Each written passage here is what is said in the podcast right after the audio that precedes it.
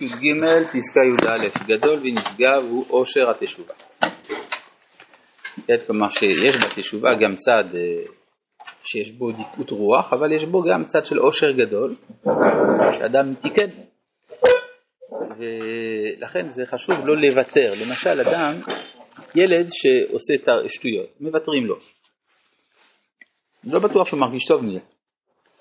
אבל ילד שעשה שטות ונענש על כך, הוא מרגיש טוב יותר אחר כך. מדוע?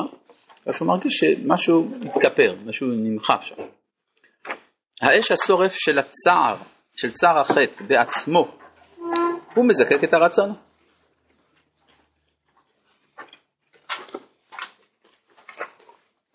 מתאר את האופי של האדם בטהרה עליונה ומהירה.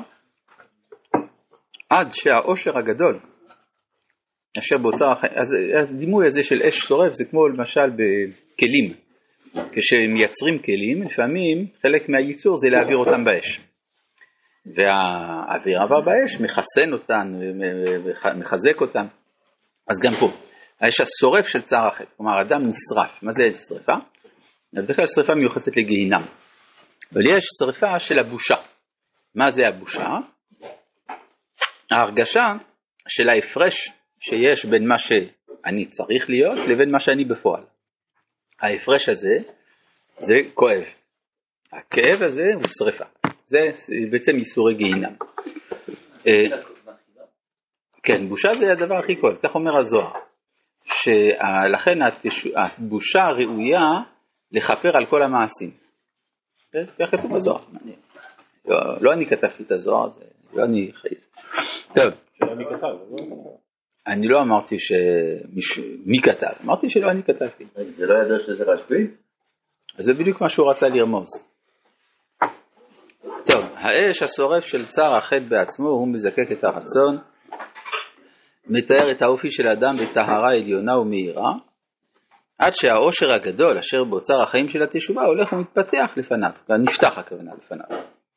הולך הוא האדם ומתעלה על ידי התשובה, על ידי מרירותה ועל ידי נעומה.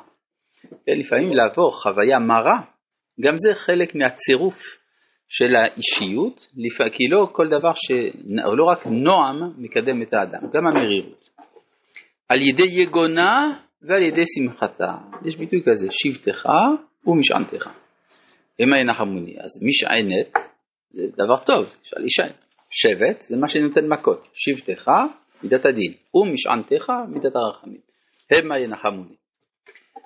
אין דבר מצרף ומטהר את האדם, מעליהו למעלת אדם באמת כהעמקת התשובה. במקום שבעלי תשובה עומדים צדיקים גמורים, אינם יכולים לענות. כי הצדיקים הגמורים לא עברו את החוויה של הטיהור, של החישול, של האישיות, שמרירות והיגון של התשובה נותן, ולכן חסר להם משהו. הם מחסרי איזושהי עוצמה פנימית שהמרירות של התשובה נותנת לבעלי התשובה. זה ההסבר חיובי למען בעלי תשובה, ההסבר הפחות זה שצדיקים לא עומדים, ממשיכים עליו. נכון, אבל יש הרבה הסברים. הרי המשפט הזה חוזר בערך 15 פעמים באורות התשובה, כל פעם במשמעות אחרת. צריך להתנדב להיות רשע? האם צריך להתנדב להיות רשע? יש כאלה שאמרו, הרי מה שאמרו, האומר החטא ואשוב החטא ואשוב, למה כתוב פעמיים? תגיד, האומר החטא ואשוב, אין מספיקים בידו. בגלל שפעם ראשונה צריך לחטוא בשביל לעשות תשובה. אבל אם כבר פעם שנייה, בשביל מה? כבר עשית תשובה. לכן זה לא בסדר. כן? טוב. אה, אבל זה דרך הדרוש. אבל אה, לא צריך להתנדב. איך אה, אמרו האומרים? צריך שיהיו רשעים בעולם, אבל אין מצווה להתנדב. אבל מה יקרה אם כולם יהיו צדיקים ולא יהיה אפילו אחד שיסכים להיות רשע? אז מי שיסכים להיות הרשע יעשה את זה לשם שמיים ויקבל שכר על כך. וצדיק גדול. כן. רק צדיק גדול יש. בדיוק. כן? האם ייתכן שיש מישהו שבא לעולם הזה ואין לו שום דבר לתקן? מצד עצמו? כן. כן. למשל חנוך היה כזה. כן, חנוך הלך פה, התהלך את האלוהים. מה הוא עשה פה? הוא בכלל לא היה מפה. לפי המקובלים הוא היה מהשמיטה הקודמת. אז מה הוא עושה פה בכלל? כן? אז הוא פה כדי לחבר בין העולם הקודם כן, לעולם. יש תפקיד.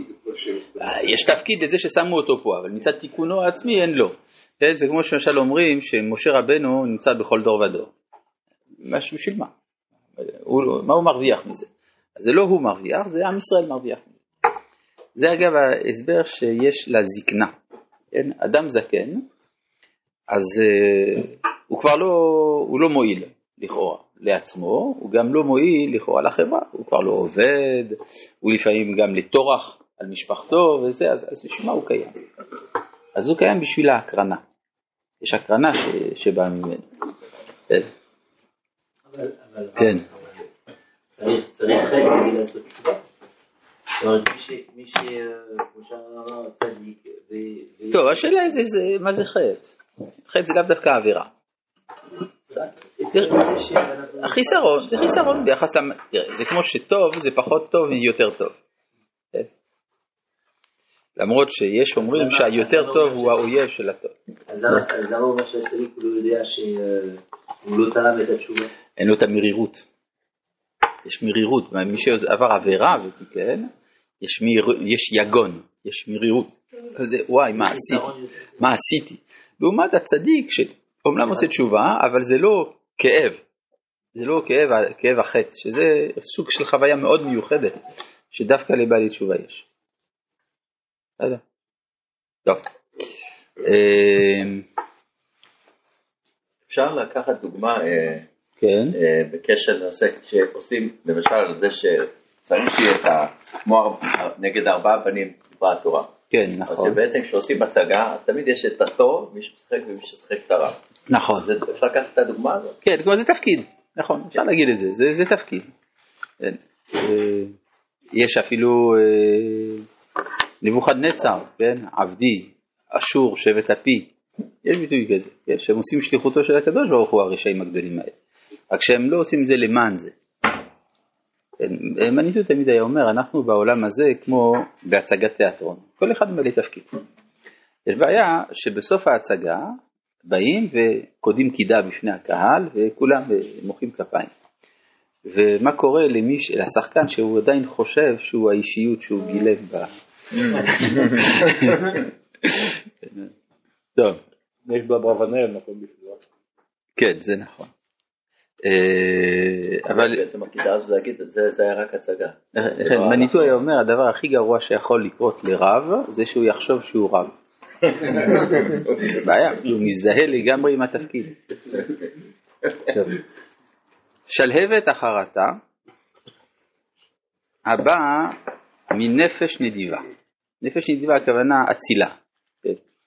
על ידי אבוקת אור התשובה, אש קודש היא. אש מלאה אור וחום מלאה חיים. כן, כלומר יש גם, זה לא רק ייסורים, כי ייסורים זה ייסורים, ייסורים אף אחד לא אוהב ייסורים. חייבים עליך ייסורים, לא אין ולא שכר, אבל הייסורים של התשובה, של החרטה, יש בזה גם צד של נחמה, זה מחמם. כשהיא חלה על, הרי למשל אדם שעושה, שמתחרט, זה כבר מעלה, אומרים, אתה מתחרט על החטא, אז זה סימן שאתה במעלה. כן? זה, יש צד טוב בזה. אז זה מחמם. כשהיא חלה על רוח טהור, על נשמה חיה ומוארה באור חן ושכל טוב בדעת קדושים, כלומר אדם שיש לו גם תפיסה מעמיקה של הדברים, אז היא מתהפכת לכוח אדיר ורענן, לכוח פועל מזקק, מזקק ומטהר, מוסיף עוז ועוצמה ומסכל נתיבות, וטוחן רוחות חדשים לכל מלכי החיים. זאת אומרת, דרך התשובה של אותו אדם, יש גם נתיבים חדשים של תפיסה שמתפתחים בעולם. הרבה פעמים למשל יש תפיסות בדור מסוים, שלפני כמה דורות לא היו קיימות. אתה שואל את עצמך מאיפה באו התפיסות החדשות. אז אחד המקורות של התפיסות החדשות זה אותם בעלי תשובה, שהם עברו איזשהו שינוי בנפש וקיבלו תובנות חדשות וזה אחר כך מונחל לעולם כולו. התנערות חדשה והתעוררות מלאה לשד עלומים היא מביאה עימה. והאדם נעשה בריאה חדשה מזוקקת ומצורפת ואל על יביט, אל מרומי הדעת והבינה שהיא מביאה לידי תשובה ומאורו של משיח משורש כל התורה כולה וכל המצוות כולן, כל המעשים וכל המידות בכללותם יבואו לו קרניים להאיר בהם את מסילותיו האפלות ודרכיו השונים. זאת אומרת שהוא מאיר את מסילותיו האפלות, שהוא מבאר מה הייתה המשמעות של המסילות האפלות, ואז הן כבר לא כל כך אפלות. ויחד עם בנייניו, בניין עולם ייבנה ורבים ילכו לאורו. רבי חנניה בן הקשה אומר,